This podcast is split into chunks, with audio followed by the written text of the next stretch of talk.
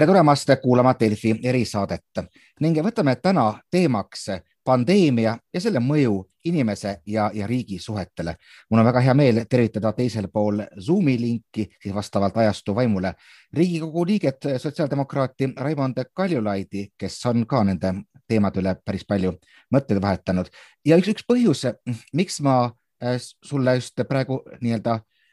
toru võtsin, kui kasutada vanu termineid, oli see, et äh, just sotsiaaldemokraatidelt on tulnud viimasel ajal mitmeid arvamusartikleid, mis ütlevad või juhivad tähelepanu, et ega inimene ise oma valikutega väga midagi pandeemia suhtes teha ei saa. jah, sa võid jääda üksinda isolatsiooni, aga kokkuvõttes ikkagi kõik selline riiklik süsteem äh, on see, mis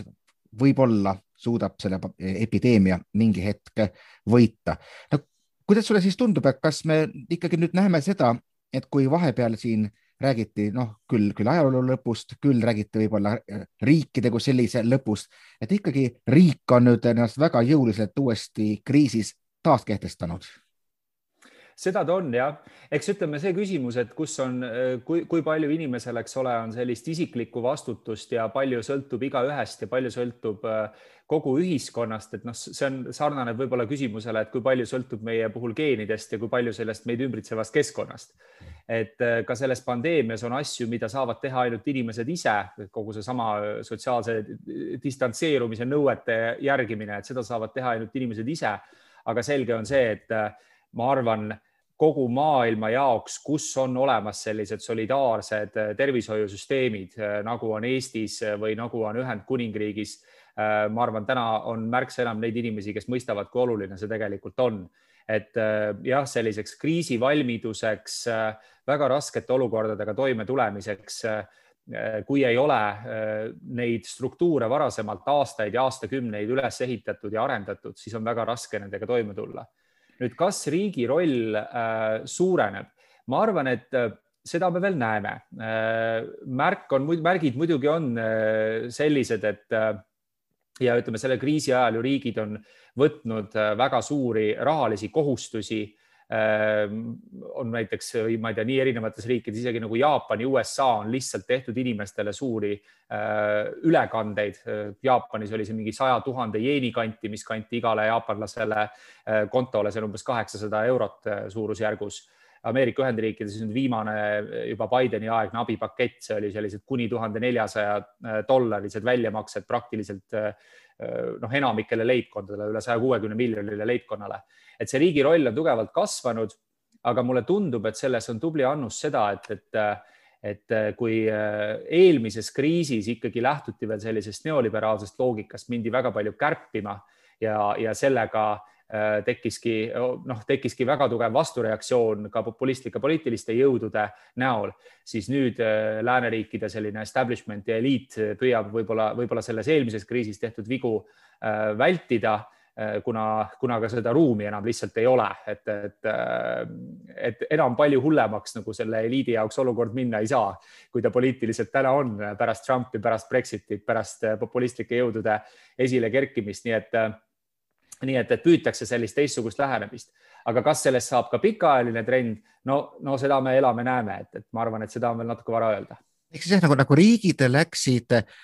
võtma äh, sealt, kus tegelikult raha oli, ehk siis see noh, see raha, mida nad just nagu laenavad, on kuskil erasektoris kuskil talletatuna olemuselt olemas ning lihtsalt praegusel hetkel siis võttis riik selle rolli, et aga noh, me võtame selle nagu vastutuse endale ja jagame inimestele laiali, et noh, loomulikult äh, see, ma näen selles pikas perspektiivis muidugi äh, üs, üsnagi palju, palju probleeme, see tekitab riikidele mingi hetk ka, ka surve hakata seda siis ikkagi kodanikelt tagasi küsima, kuidas sa näed seda? nojah, aga vot pro, mis probleem, aga väljakutse on see, et kui, kui kõik seda või peaaegu kõik seda teevad ja, ja sina oled see ainus, kes seda võib-olla jätab tegemata või teeb mõõdukamal määral, siis, siis võib juhtuda lihtsalt, et sina jääd lõpuks kaotajaks et aga seda küll jah, et, et äh, ka Eestis, kus ikkagi meil oli küllalt selline ortodoksne seisukoht, et, et äh, laenu ja, ja eelarve defitsiit ja laenude võtmine, et see on äh, täielik selline tabuteema ja seda me kindlasti endale lubada ei saa. noh, täna, kui vaadata rahandusministeeriumi graafikuid, milline on Eesti eelarve puudujääk, et see on väga-väga suur. ja nüüd küsimus ongi see, et et mulle tundub võib-olla, et et Eestis üks selliseid suuri poliitilisi teemasid, mis kerkib esile tõenäoliselt lähima võib-olla kuue kuu perspektiivis ja sealt jääb ka päevakorda, ongi see, et kuidas me nüüd sellest olukorrast välja tagurdame või edasi läheme. et praeguse valitsuse koalitsioonilepe seab äh, küllalt jäigad raamid, et ühelt poolt ähm, on kokku lepitud selles, et maksupoliitikas mingeid muutusi suuri ei tehta, et maksusüsteemi stabiilsus on kõige olulisem, see tähendab, et uusi makse ei kehtestata, noh, olemasolevate maksude muutmist otseselt koalitsioonilepe ei välista, aga ega see maksurahu ju seda tähendab, et, et suurel määral äh, nii-öelda riigi tuludes me muutusi ei näe ja, ja samal ajal on äh, siis seatud eesmärgiks liikuda tagasi eelarve tasakaalu suunas. et siin ei olegi väga teist varianti nüüd, äh, kui, äh, kui, kui et peab hakkama kulutusi kärpima ja seda tegelikult ka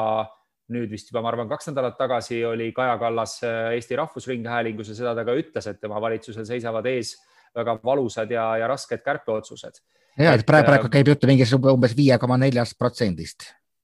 ja no täpselt ei tea, et, et praegu hetkel on äh, nagu ikka alati äh, nende eelarvemenetluste käigus hakkab seda infot nii-öelda välja lekkima ja erinevad osapooled, kellel on oma, äh, oma, oma ametkondlikud huvid, siis paratamatult ajakirjanikele ka annavad nagu, annavad infot välja, et me ei ole tegelikult neid ametlikke dokumente täna veel Riigikogus näinud ja sellepärast on nagu sisust on vara rääkida, aga kui me vaatame jah, mis see kumulatiivne eelarve puudujääk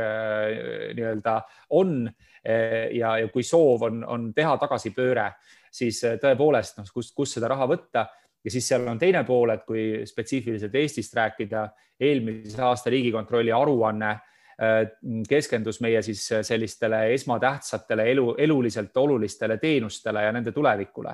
ja noh, seda nagu võiks pikalt rääkida, aga, aga lühidalt Riigikontrolli sellised järeldused olid ju, et meil kümne aasta jooksul on kuskil kolmsada politseinikku vähem tulemas akadeemiast, kui äh, läheb ära pensionile. See tähendab seda, et politseinike arv on vähenemas kümne protsendi võrra. meil ei ole täna Eestis võimalik leida perearste praktiliselt äh,, väga keeruline on leida igale poole väljaspool siis Tallinnat ja Tartut ja tegelikult ka juba nendes linnades on see keeruline meil on äh, õpetajate, eriti matemaatika ja loodusteaduste õpetajatest on, on väga terav puudus äh, ja, ja väga keeruline neid edasi, edasi leida. see õpetajate lähtetoetus, mis omal ajal sai tehtud, et õpetajaid, uusi õpetajaid juurde tuua, see on üle kümne aasta püsinud samal tasemel. Nii et ütleme, need kõige-kõige olulisemad riigi poolt osutatavad teenused, tervishoid, haridus, julgeolek, pääste päästjate palgad täna on madalamad keskmise palga suhtes, kui nad olid kümme aastat tagasi. Need valdkonnad on tegelikult juba täna punases. mis tähendab, mis tähendab, tähendab seda, et ütleme, kui riik ongi tagasi tulemas, noh, üldiselt tervikuna ja küll võib-olla ka Eesti riik ennast rohkem siis äh, raha suunajana kehtestamas, siis tegelikult äh, väga paljuski me näeme, et, et riigid, kui nad vaatavad nagu päris siiralt endale otsa, peavad mingi hetk hakkama käsi üles tõstma, ega samasugused valikud ja probleemid on nagu näiteks ka üle lahe soomlastel, kus olemuselt see, et kas kärpida või kui palju kärpida kuidas edasi minna, on otseselt ähvardamas ju ka praegust valitsuskoalitsiooni. ehk siis kui ma kõike kuulan, siis ma vaatan, et meid ootab nagu ees lõputu laenamine, mis küllap ei saa olla lõputu, kui me just ei hakka seda kõike elanike taskust läbi hiiglasliku rahatrüki tagasi võtma Mhm. nojah, küsimus on jah, ütleme lühikeses perspektiivis on see, et äh, ma ei ole küll lõpuni veendunud selles, et Eesti ainus võimalus on nüüd äh, proovida võimalikult kiiresti seda eelarve tasakaalu taastada. Et äh, kuna me oleme olnud laenamise suhtes küllalt konservatiivsed väga pikka aega, siis võib-olla meil seda mänguruumi on rohkem. Ja, ja ka väga paljude nii-öelda poliitiliste otsuste puhul ongi küsimus ju nende ajastamises ka. Et, et võib-olla selline eelarve käitumine, nagu meil täna on, oleks kaks aastat tagasi enne koroonaviiruse pandeemiat tundunud täiesti hullumeelne ja, ja, ja, ja oleks viinud äh, väga suurte pingeteni nagu äh, täpselt teistpidi, et oleks tundunud, valitsus lihtsalt raiskab tuleviku arvelt raha. Ja, ja, ja tegelikult oligi ju nendel headel aastatel, mis olid vahetult enne seda koroonakriisi, ähm, meil kasvasid kulutused paraku kiiremini kui tulud, eks ole, et, et võib-olla kui me oleksime sel ajal oma eelarvevalikutes olnud pisut äh, pisut tagasihoidlikumad, siis oleks meil täna ka seda puhvrit rohkem. aga jah, et, et kas me nüüd kohe nüüd kiiresti suudame seda pööret teha ja kas me peame seda tegema, see on nagu väga suur poliitiline küsimus ja millega kindlasti ma arvan, mitte ainult Eestis, vaid, vaid üle kogu äh, Äh, üle kogu läänemaailma poliitiline eliit peab arvestama, on see, et äh, nii seal paremal kui vasakul pool äärtes on neid, kes vastupidi noh, võtavad mis tahes kärped vastu absoluutselt kompromissitult, et Joe Biden midagi pole teha, peab arvestama sellega, et ta sai presidendiks tänu sellele, et ühendas enda taha demokraatliku partei, kus selline Sandersi ja, ja Elizabeth Warreni tiib on tegelikult väga tugev et tal ei ole ka ähm, seda mänguruumi võib-olla nii palju, kui, kui fiskaalselt tagasihoidlikumad USA poliitikud sooviksid. ähm, ma arvan, et Boris Johnson kindlasti ei saa ajada aastal kaks tuhat kakskümmend üks äh, äh, nii-öelda sellist poliitikat, nagu Briti toorid ajasid tuhande üheksasaja kaheksakümnendatel aastatel. Ähm, ja, ja noh, üldse ütleme, ma arvan, et ma ei ole nagu ainus, kellel on see tunnetus, et äh, see finantskriisile järgnenud juba tegelikult väga selline turbulentne ühiskondlik situatsioon, mis suuresti ongi selline selle kogu selle neoliberaalse konsensuse kokkuvarisemine, selline, selline kollaps ja, ja, ja, ja mingis mõttes ka selle maailmakorra, et ega see on ju ohtlik olukord, et me, me, ma arvan, et me ka Eestis täna tunnetame seda, et, et, et need ühiskondlikud pinged on väga suured Äh, ja, ja, ja noh, sellises olukorras on, see on nagu väga kuiva metsa puhul, et seda metsatulekahju ikka kardetakse, kardetakse rahvusvahelistes suhetes. Meil on praegu olnud viimastel nädalatel väga-väga suur ärevus läänemaailmas seoses äh, Venemaa ähm, vägede liigutamisega siia äh, täpselt, täpselt siis ütleme meie suunal, Venemaa vaates lääne suunal. Ja samamoodi on tegelikult Eestis ju viimastel nädalatel olnud küllalt suur ärevus seoses nende samade meeleavaldustega, arutatud selle üle, et kas politsei ei reageerinud äkki neile liiga jõuliselt, vastupidi, provotseeri sellega veel suuremat sellist äh, ühiskondlikku vastuseisu. no vot, vot, vot see on just see, see koht, kus ma tahtsingi jõuda järgmise sellise teemani ehk siis noh, noh, et riigi roll on mitmeti mõistetav ja kindlasti eriti endises ida, idablokis on inimestel väga ka kahetised tunded riigi suhtes. me oleme näinud väga tugevat riiki, mis on seda kuritarvitanud ja tegelikult, kui me nüüd nagu vaatame selliseid rahvusvahelisi uuringuid, siis üldiselt kõik ütlevad ühte, ühte sama, et demokraatia ka, ka läänes tegi eh, pandeemia ajal vähikäiku, ka sellised noh, sellised tugevad liberaalsed demokraatiad, seal inimesed andsid ära üsnagi palju vabadusi ja noh, seesama näiteks ka, ka näide, kus, kus okei okay,, praegusel hetkel on küll koroonapiirangud, aga olemused, kus ikkagi nagu suhtumine meeleavaldajatesse oli, et nad on nagu just nagu ikkagi võib-olla ka, ka, ka riigi kui sellise vastu, selline mulje jäi mulje, mitte nad ei anna sellist positiivset eh, tagasisidet kodanike poolt, mitte, nad ei ole partnerid, et ikkagi nagu käsitleti, et noh, sa just nimelt need suured, suured politseijõud ju sellele viitasid, et see kõik nagu annab seda tunnistust minu jaoks sellest, et, et, et ega, ega, ega ka riigi või bürokraatia olemus ei ole nagu väga muutunud, et ta armastab, bürokraatia armastab kapselduda ja armastab mingi hetk näidata ka, ka jõudu. kui palju sa näed muret just nagu selle koha pealt, et lisaks sellisele raha ümberjaotamisele tulevad ka siis raha ümberjaotaja tingimused? no võib-olla see on, see on nagu selline, see on, see on natukene isegi nagu laiem ja, ja filosoofilisem probleem, mis, mis läänes on. et, et see, seesama niinimetatud neoliberaalne konsensus äh, on kohati tegelikult ise äh, asunud nii-öelda äh, käituma küllalt illiberaalselt. Äh, ja, ja seda tegelikult äh, juba pikka aega, et on tekkinud nii-öelda sellised uued teatud dogmad, millede, millede, milles kahtlemine või mille kohta küsimuste esitamine justkui on täiesti keelatud või selles nähakse kohe nagu rünnakut siis senise ühiskonna ja maailmakorra vastu ja, ja, ja ma selle, ma arvan, et, et selles kontekstis ka need, need nagu meeleavaldused võib-olla äh, olid, olid palju teravamad, kui tegelikult noh, mina nägin seda Toompea lossi aknast, et tegelikult äh, need inimesed, kes seal olid äh,, noh, neid ei olnud tegelikult ju nii palju ja see ei olnud võrreldav näiteks sellega, mida EKRE korraldas kahe tuhande üheksateistkümnenda aasta Äh, parlamendivalimiste eel, kui oli ränderaamistiku arutelu ja, ja siis oli tõesti, ütleme, see Lossi plats oli täidetud sellistest väga vihastest inimestest, kes, kes tõesti noh, ikka vibutasid rusikat selle, selle, selle Riigikogu suunas ja, ja, ja see toon oli nagu hoopis teistsugune. nii et, et ma arvan, et, et et, et see on ikkagi märk sellisest üldisest suurest närvilisusest, mis on tekkinud ja, ja, ja kindlasti ka, ka frustratsioonist eh, inimestel, kellele nagu noh, aastakümneid tegelikult on räägitud ja lubatud kogu aeg, et elu läheb ju aina paremaks ja, ja kõik on aina parem, aga siis, kui sa nende perspektiivist seda vaatad, Äh, siis ta teps mitte seda ju ei ole, et, et kui me lähme ka Eestis nendest samadest suurematest keskustest välja, siis äh, jah, tõepoolest, eks ole, Eesti tervikuna kindlasti, ma arvan, viimased kolmkümmend aastat on ikkagi pigem edulugu. aga on väga palju neid inimesi, kes on sellest eduloost vähem osa saanud ja praeguses, praegune kriis ju seda, seda möönab tegelikult ka see valitsuse valge raamat, et neid ebavõrdsusi, mis meil olid ja neid lõhesid nagu võimendab ja suurendab. Et äh, üks, üks selge näide on vene kogukond, et tegelikult äh, selles kriisis, kui küsida, kes on kaotanud rohkem, kes on kaotanud vähem, siis venelased ja Eesti venelased on selgelt kaotanud rohkem. et neid oli nendel töökohtadel, nendes sektorites, kus töökohad on kaduma läinud, äh, oli rohkem, nende seas tööpuudus on läinud suuremaks rohepööre puudutab Ida-Virumaad, puudutab neid inimesi kõige enam. et tänasel hetkel on teada nagu sellest valemist esimene pool, et põlevkivist me oleme loobumas, aga kuidas täpselt selle, selles regioonis tagatakse siis äh, tööhõive ja, ja, ja, ja majandusarengu jätkumine, selle kohta tegelikult ju väga palju detaile teada ei ole. ja ma arvan, et, et sealsed inimesed on küllalt skeptilised, et kas nende ilusad lubadused äh, õiglasest üleminekust tegelikult seal Ida-Virumaal realiseeruvad ja nii edasi. no võib-olla, et võib-olla, et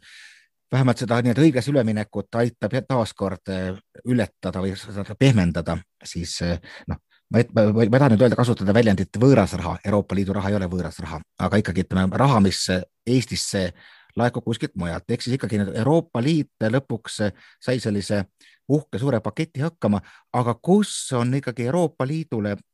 kõik ja ma usun, et täiesti õigusega ette heitnud, oli hämmastav läbikukkumine, hämmastav läbikukkumine just kohas, kus Euroopa Liit võiks olla väga tugev, nimelt seesama vaktsiinihange. meil on suurepärane bürokraatia, hästi harjutanud kõikvõimalikke läbirääkimisi ja kokkuvõttes Euroopa Liit on nii-öelda rikaste maade plokkidest üks kõige tagasihoidlikuma vaktsineerimist tasemega. et kui me vaatame seda kogu seda laiemat debatti, siis noh,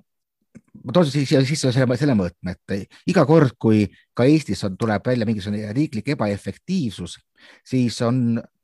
ridamisi inimesi, kes ütlevad, aga kuulge,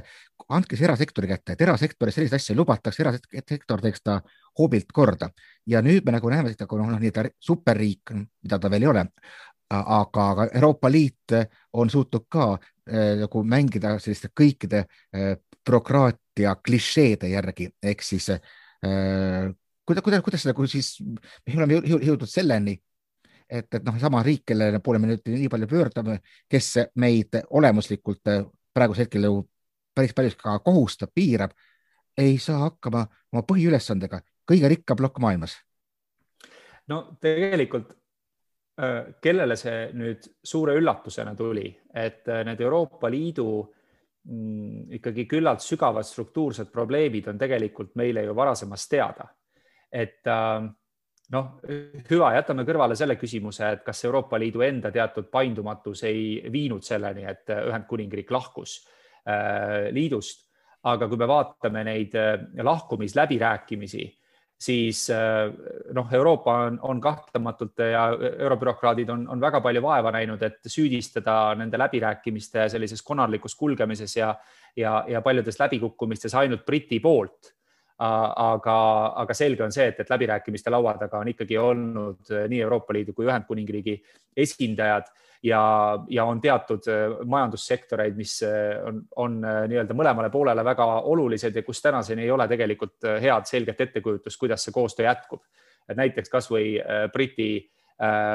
kontserdikorraldajad, kes äh, nii-öelda seal tehakse väga palju maailmatasemel muusikakultuuri. Need äh, artistid on üldiselt harjunud tavaolukorras mööda Euroopat ringi tuuritama suviti mööda festivale ja, ja, ja meil Eestis käivad lauluväljakul esinemas ja, ja nüüd ei ole tegelikult väga suurt selgust selles osas, et kuidas see tegelikult kõik saab toimuda. Äh, ja kas nad peavad näiteks igal piiril hakkama deklareerima siis, et millist tehnikat nad üle piiri toovad ja nii edasi, noh, mingid sellised nüansid, mis on ja samal ajal, eks ole, arutati lõputult mingeid kalanduse küsimusi. Et, et, et ühesõnaga need, need mured tegelikult Euroopa Liidu osas on, on pikemalt teada või kasvõi näiteks võitlus või võistlus selle nimel, et, et kuidas kasutada tehisintellekti. Et selles osas ka, noh, nüüd Euroopa on nagu jõudmas oma selliste esimeste raamistikudeni, aga no tere hommikust, et mitu aastat me oleme sellega tegelikult nagu hiljaks jäänud, kui palju täna on Hiina suutnud ette rebida ennast Euroopa Liidust või äh, kasvõi enne seda pandeemiat, kui tuli nüüd äh, uus äh, komisjon, siis see pidi olema selline geopoliitiline globaalne komisjon. Noh, esimene suur kriis oli kohe Valgevenes, eks ole, kas, kas sellele reageeriti siis nagu piisavalt kiiresti ja, ja agiilselt, et noh. see meenutas, see meenutas väga, kuidas, kui algas Jugoslaavia kodusõda, siis deklareeriti, et nüüd on Euroopa tund. Ja seda me nägime jah, et noh, et, et ühesõnaga, et, et see, et, et need probleemid on tegelikult ju teada ja, ja, ja pikemat aega nüüd küsimus on minu meelest selles, et, et kuidas praegusel hetkel noh, tegeletakse tegelikult ju olema ausad selliste operatiivsete küsimuste ja selle ja selle tulekahju kustutamisega suuresti. aga nüüd, kui me sellest äh, kriisist välja tuleme, et milliseid järeldusi siis tehakse, äh, kas suudetakse muuta kogu seda juhtimist ja, ja, ja asjaajamist efektiivsemaks või ei suudeta seda teha, et see saab olema Euroopale väga suur väljakutse noh, kui ma peaksin kihla vedama, mina täna ütlen, et pigem suudetakse äh, muutuda. Äh, Euroopa Liit siiamaani on ikkagi ennast näidanud sellise küllalt, äh, küllalt kohanemisvõimelise organisatsioonina pikkade aastakümnete jooksul ja, ja on tulnud toime ka teiste kriisidega ega laiemalt tegelikult, ega lääs on, lääs on noh, kasvõi juba meie põlvkonna eluajal kogu seesama Nõukogude Liidu kokkuvarisemine Ehm, Saksamaa taasühendamine, mis oli tegelikult ju tohutu suur küsimus, kuidas seda teha. Ehm, seal olid väga suured vaidlused, Briti toonane peaminister Margaret Thatcher näiteks üks idee oli tal selline, et võiks jätta Vene väed Ida-Saksamaale sisse et, et see võiks olla nagu kompromissi koht, no kujutage ette, NATO-sse kuuluv Saksamaa, kus pooles ulatuses oleksid täna sees siis Venemaa Föderatsiooni sõjalised jõud ja nii edasi, et noh, et, et neid selliseid äh, kriitilisi ja, ja keerulisi poliitilisi hetki on olnud väga palju eh,. tahaks loota, et lõpuks selline nagu kaine meel ja, ja, ja terve mõistus võidavad ja, ja tullakse nendest raskustest läbi. ja noh, muidugi, mis on veel võib-olla oluline aru saada, on see, et, et ega, ega riikidega, riikide selliste suurte rahvusvaheliste organisatsioonidega see selline bürokraatia ja frustreeriv asjaajamine noh, alati on kaasnenud, ma arvan, et ütleme kui meie kuulajatest enamik, kes töötab, need inimesed, kes töötavad suuremates organisatsioonides, ka siin Eestis, kas siis erasektoris või avalikus sektoris, et noh, ma arvan, kui nad mõtlevad oma lõppeva töönädala peale või, või järgmisele algava töönädala peale, eks igal pool on, on, on, on seda bürokraatiat ja on sellist ähm, frustreerivat otsustamatust ja, ja nii edasi. küsimus on jah selles, et kuidas ja kas me suudame sellele väljakutsele reageerida. Mhm. et ikkagi ju näiteks noh, ka, ka siis, kas, kas just riigid, aga riikide poliitikud, kui tundub ikkagi, et väga palju tuleb sellist siis näpuga näitamist nende peale, siis on olnud vana hea komme näidata näpuga omakorda kõrgemale ehk siis Brüsselile ja tänu sellele osaliselt sai ka toime teoks, teoks ju Brexit. aga äh, kui me nüüd mõtleme kogu sellisele Euroopa Liidu fundamentaalsele probleemile, siis no ma ei tea, kas ta on nüüd fundamentaalne, aga antud hetkel ikkagi kogu selline populismi tõus võib mingi hetk saada saaduslikuks. hetkel on võib-olla isegi natukene mõõn võrreldes aastaga kaks tuhat viisteist, kuusteist, kus tundus, et, et mine sa tea. ehkki jah, ütleme, ütleme Euroopa Liidu kodanike äh, soov olla ikkagi üheskoos kõikide küsitluste järgi tõusis, aga, aga ikkagi, no kasvõi täna tuli jälle selliseid sõnumeid, mis viitasid, et Marine Le Pen võib olla võitmas äh, Prantsusmaa presidendivalimisi, noh, võib-olla ja ikkagi see oht on nagu väga suur, aga ta on ennekõike just nimelt selliselt äh, paremalt tiivalt. Et ma, ma mõtlen näiteks kasvõi Tõnis Saarts täna Postimehes kirjutas, et, et noh, ongi need nagu parempopulistid just ka Eesti kontekstis on just üles leidnud sellise nii-öelda teise Eesti hääle. Ja küllap see muster on üsnagi sarnane ka, ka, ka mujal. Kas me võiks nagu näha ka mingisugust nagu ka vastukaalu teket ja öeldakse nagu vasakpoo tiib on kõik igal pool mhm. segaduses iga, kõikide riikide kohta. samas Saksamaal me näeme nüüd, et äh, mine sa tea, äkki rohelised hoopiski võidavad parlamendi, aga just sellist nagu kandvat äh, vasakpoolset idee, mis oleks äh, sellisele nativismile paremalt poolt vastu, ei ole paistmas või, või sa juba näed mingeid algeid kuskil? tegelikult see on olemas, et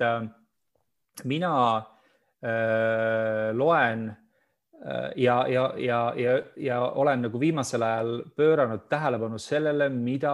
on ilmunud uusi, uut teaduskirjandust ja uusi raamatuid just nimelt selles küsimuses, et mida siis vasakpoolsed peaksid selles uues olukorras tegema. ja probleem, ma arvan, mis vasakpoolsetel on olnud, on see, et nad on teatud määral püüdnud äh, nagu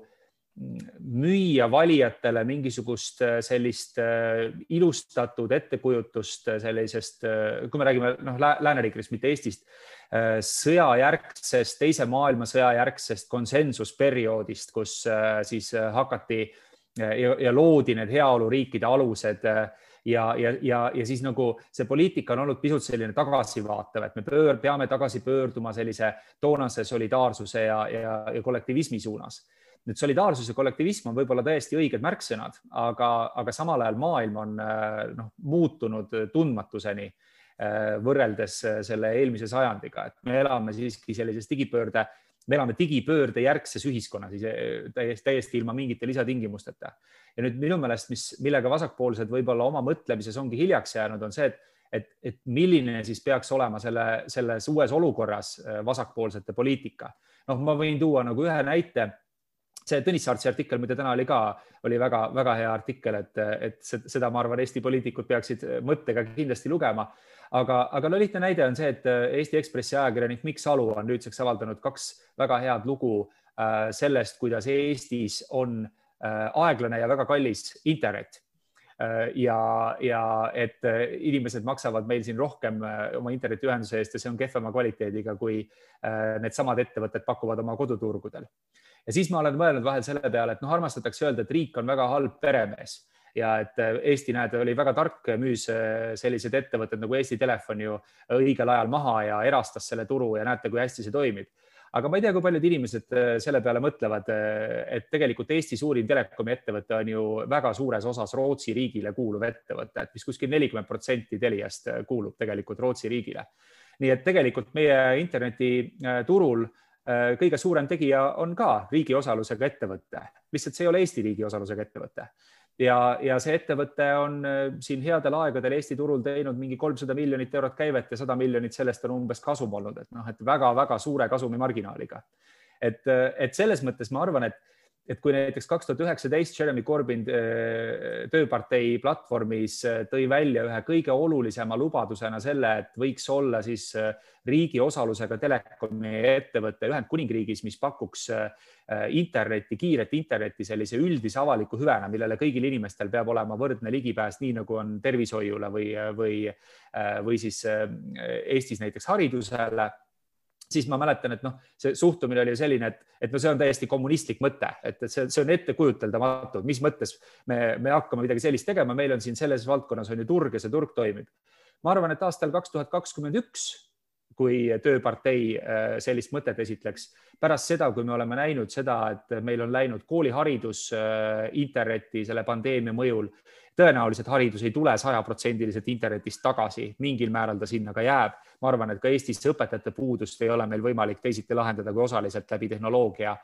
me näeme, et riigi teenused üha enam on internetis, siis on täiesti õigustatud küsida, et, et, et kuidas on nii, et me küsime siis sellesama hariduse või, või riigiteenustele ligipääsu eest inimestelt piletiraha Äh, ja, ja kas me, kas tõepoolest äh, internet kui selline ei peaks olema üldiselt kättesaadav avalik hüve, nii nagu on kõnniteed või, või, äh, või õhk, mida me hingame, eks ole. no see on üks jah, selline klassikaline vasakpoolsete väide nendele, kes ütlevad, et turg paneb kõik paika. jah, aga selle turu. aga võime seda segada nii palju vahele, et jah ja et, et, et ühesõnaga, kui need mõtted tundusid võib-olla enne seda pandeemiat natuke hullud, siis enam nad esiteks nii hullud ei tundu. Äh, ja teiseks, vot, vot see minu meelest peakski olema selline vasakerakondade äh, nagu ülesanne nüüd otsida üles need reaalsed teemad ja, ja, ja algatused ja, ja sellised initsiatiivid, mis sobivad just nimelt sinna kahekümne esimese sajandi äh, digipöördejärgsesse ühiskonda, mitte olema kinni seal kusagil teise maailmasõja järgsetes mõttemallides jah, või, või, või veel, veelgi hullemates, et ma tahtsin aga oma mõttega lõpuni öelda, et nagu tihti öeldaksegi, et, et turg on, on küll vaba, aga keegi peab turuplatsi valmis ehitama, et on selline klassik, klassikaline vasakpoolsete väide vist olnud siiamaani vastu. aga no,. turg tegelikult ei saa ilma riigita sellist asja nagu, noh, räägitakse, riik sekkub turule, tegelikult riik loobki turu et äh, kui meil ei oleks riigi poolt tagatud äh, näiteks eraomandit, äh, selle puutumatus, kui meil ei oleks ametkondi, mis sekkuvad siis, kui näiteks võlasuhetes üks pool jääb teisele midagi võlgu, kui meil ei oleks kohtutäiturid ja kohtuid, kes sellega tegelevad, mis meil siis alles jääks, et siis jääks alles ikkagi see, et, et üks ettevõtja peaks siis koguma kokku mingisuguse relvastatud väe või nuiadega inimesed ja minema siis teise ettevõtte juurde oma võlgu nõudma või, või kaitsma siis oma mingit maad või kinni kinnistud, et, et selles mõttes jah, et, et riik ei, ei sekku turu toimimisse, riik, riik tegelikult äh, tagab äh, turu olemasolu. nii, aga võtame selle arutelu nüüd kokku. ma jäin ikkagi kinni natuke sellesse mõttesse, et, et missugune saab olema siis selline uus vasakpoolsus, et ma saan aru, et sa võid kinnitada nagu need trendid, mis praegu on, nad ikkagi ei nad ei ulatu selliste tasemeteni, et aga võtame rikastelt raha ära, no ma ei tea, umbes nagu, nagu laboristid Suurbritannias ka kuskil seitsmekümnendatel, kes panid peale üüber suuri makse ja või, või ikkagi ähm, see ole, ole, ole, oleks miski, millega saada endale valijate hääli. No üks asi on valijate hääl ja teine on see, et, et tegelikult ka väga paljud maailma kõige jõukamad inimesed äh, eesotsas näiteks Warren Buffettiga on nagu öelnud poliitikutele, et kuulge, maksustage meid et äh, minu meelest vist ka selles kriisis IMF on mänginud mõttega, et võiks olla selline mingi ühekordne jõukuse maks, et, et, et tasandada äh, ebavõrdsust äh,. nii Ameerika Ühendriigid kui Ühendkuningriik äh, minu teada kavandavad selliseid maksu, maksumuudatusi, mis, mis just nimelt jagavad rohkem vara ümber Eestis on ju peaministri majandusnõunik Ardo Hanson tõstatanud varamaksude küsimuse, millest nagu korraks tekkis selline diskussioon, et noh, ega need varamaksud ka äh, on midagi sellist, äh, mida tõenäoliselt siis suuremal määral need puudutaksid just nimelt neid jõukamaid inimesi, kellel on vara, mida maksustada, et noh, kui me üldse, kui me räägime jõukuse ümberjagamisest, siis me peamegi vaatama, et, et mida, mis nii-öelda rikastel on, mida vaestel ei ole, noh ja need on, need on autod ja need on nagu kinnisvara võib-olla üle teatud mingi väärtuse. Et eelmises kriisis me ju tõstsime käibemaksu äh, kaheksateistkümnelt protsendilt kahekümnele protsendile ja, ja oleme üldse selliseid tarbimismakse äh, tõstnud, noh, kes maksavad kõige rohkem, eks ole, tarbimismakse, need on ikkagi need äh, väiksemate ja keskmise sissetulekuga leibkonnad, kelle tarbimisest suur osa läheb, läheb kodus poodi.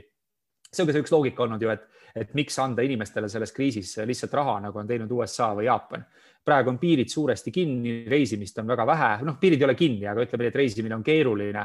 Äh, et suur osa sellest rahast äh, jõuab tegelikult ju äh, nii-öelda Eesti enda majandusse. et selles mõttes oleks võinud seda küll kaaluda, ma arvan, ka Eestis aga noh, mis puudutab konkreetselt vasakpoolseid nii Eestis kui kogu Euroopas, kus ju sotsiaaldemokraatlike erakondade tuled on ju kustunud väga paljudes riikides või on kustumas, eks ole, et, et sotsiaaldemokraadid täna on tugevad Põhjamaades ja Portugalis ja, ja noh, võib-olla mõnes üksikus kohas veel, millest ma ei ole kuulnud, aga, aga igal pool mujal on ju see ideoloogia on suures kriisis. ega ma arvan, see on suur küsimus ka Eesti sotsiaaldemokraatidele, et praegu näib nii, et sotsiaaldemokraatide üldkogu tuleb alles pärast kohalikke valimisi, kui, kui volikogu seda, seda sotsiaaldemokraatide juhatuse seisukoha nagu üle kinnitab. aga ma arvan, üks küsimus, mis seal on väga selgelt laual, ongi see, et, et mis see siis milline see tuleviku nii-öelda vasakerakond peaks välja nägema, et kas ta peaks minema rohkem sinna Jeremy Corbyni äh,, Bernie Sandersi, Elizabeth Warreni vasakpoolsuse suunas äh, või tegema oma panuse, et võib-olla valijad ühel hetkel tahavad tagasi tulla sellise Tony Blairi ähm, mõnes mõttes neoliberaalse konsensusega leppinud äh, äh, nagu turumajandust siis tasakaalustava vasakpoolsuse suunas, et ma arvan, et see on väga suur küsimus ka Eesti sotsidele ja jama lugu on see, et seda otsustab teha, mulle tundub vist ainult üks kord ja kui see teha valesti, noh siis riskid on väga suured, nii et, et see otsus tuleb kindlasti õigesti teha oleme huvitavate valikute ees, elame huvitaval ajal. suur aitäh, Riigikogu liige Raimond Kaljulaid, mina olen Eesti Päevalehe ajakirjanik Krister Paris ning jälle kuulmiseni siis uutes erisaadetes.